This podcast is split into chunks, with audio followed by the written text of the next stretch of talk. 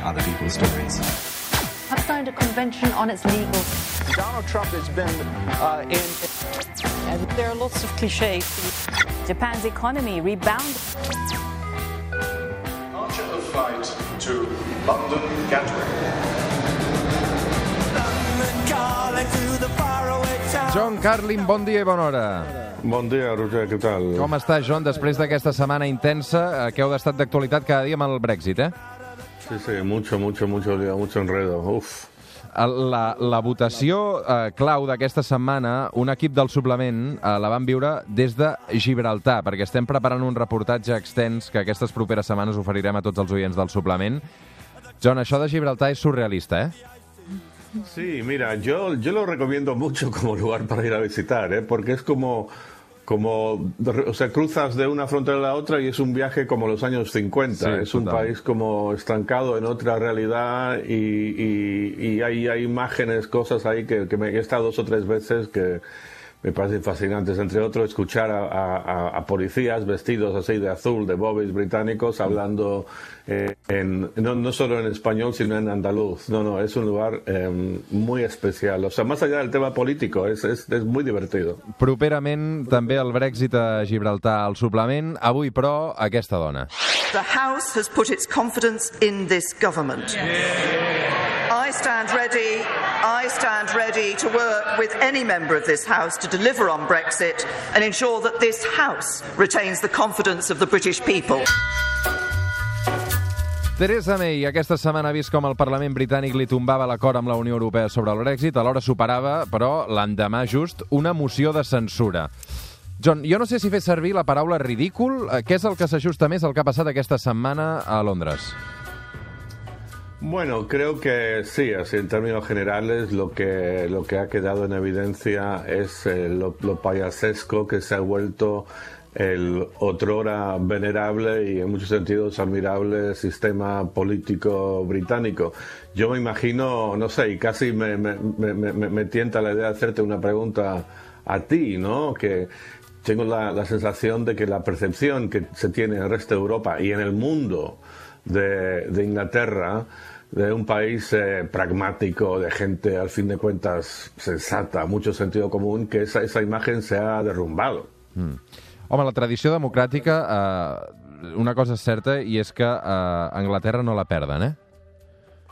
Bueno, sí es verdad, hay, hay, una cultura democrática muy arraigada, pero el hecho es que en este tema del, del Brexit, que es eh, sin duda es la cuestión política más importante, más definitiva, con más consecuencias para el país desde prácticamente la Segunda Guerra Mundial, o sea, llegado el momento de la verdad, el gobierno británico, el sistema político británico en general, no solo el gobierno, sino los partidos de oposición, no han estado ni remotamente eh, a la altura. Ahora, se podría decir que el hecho de haber hecho el, referéndum, celebrado el referéndum y después que, que ganase el, el Brexit, hubiera metido a cualquier gobierno en una situación eh, prácticamente imposible, porque en el mejor de los casos de lo que se trataba era intentar limitar daños. La fantasía que tenían y siguen teniendo muchos brexiteros de que se sale de la Unión Europea con acuerdo o sin acuerdo y de repente este país se va a convertir en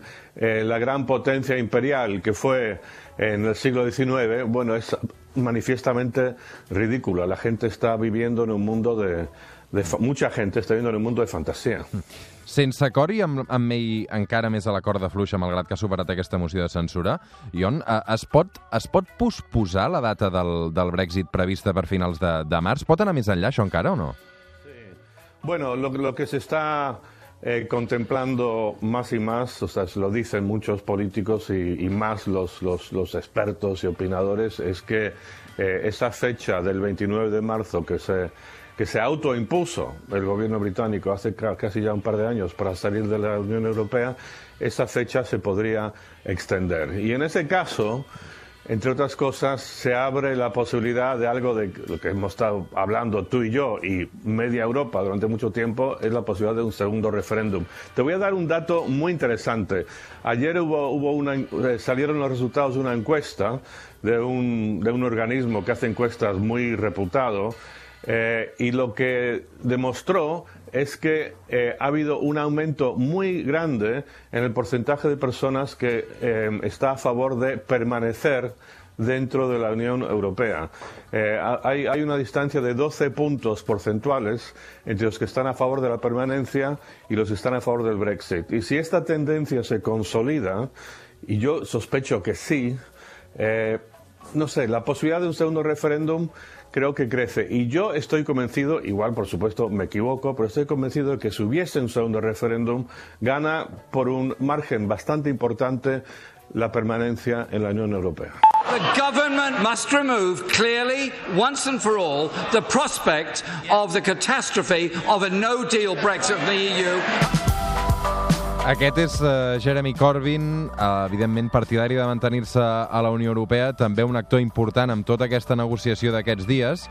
Jeremy Corbyn, uh, davant d'aquest escenari Theresa May tan dèbil, s'ho mira amb distància, vol fer el salt ja, vol ocupar el seu lloc d'entrada, mm, perquè, clar, aquesta moció de censura finalment no va prosperar. S'espera que hi hagi unes eleccions. Què passa amb Jeremy Corbyn, John?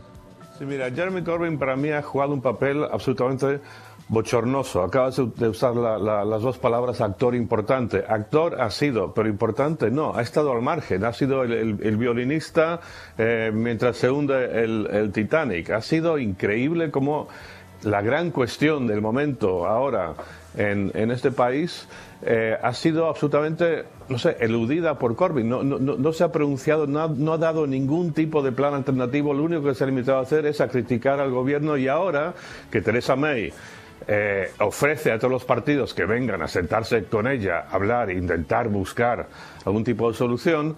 Ahora eh, Corbyn es el único eh, líder, un partido opositor que, que impone condiciones antes de, hablar. Uno tiene la sensación eh, de que siempre la idea de, de, de Corbyn ha sido utilizar el Brexit como instrumento para él llegar al poder. Y el tema de elecciones generales ahora es absolutamente no solo eh, superfluo, sino que no ayudaría absolutamente nada en este momento. Está, el tema es otro, el tema es el Brexit. Después, después puede haber elecciones y después Corbyn puede intentar lograr su sueño de crear una unión británica bolivariana aquí en el, en el norte de Europa.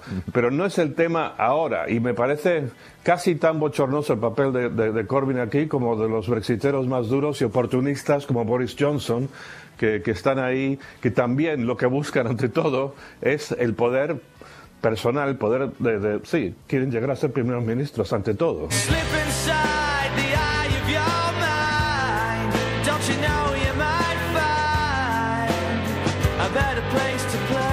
John Carlin, avui arribarem fins les 9 del matí amb una cançó d'Oasis que han dit que es tornarien a unir fins i tot per evitar que Jeremy Corbyn arribés a primer ministre.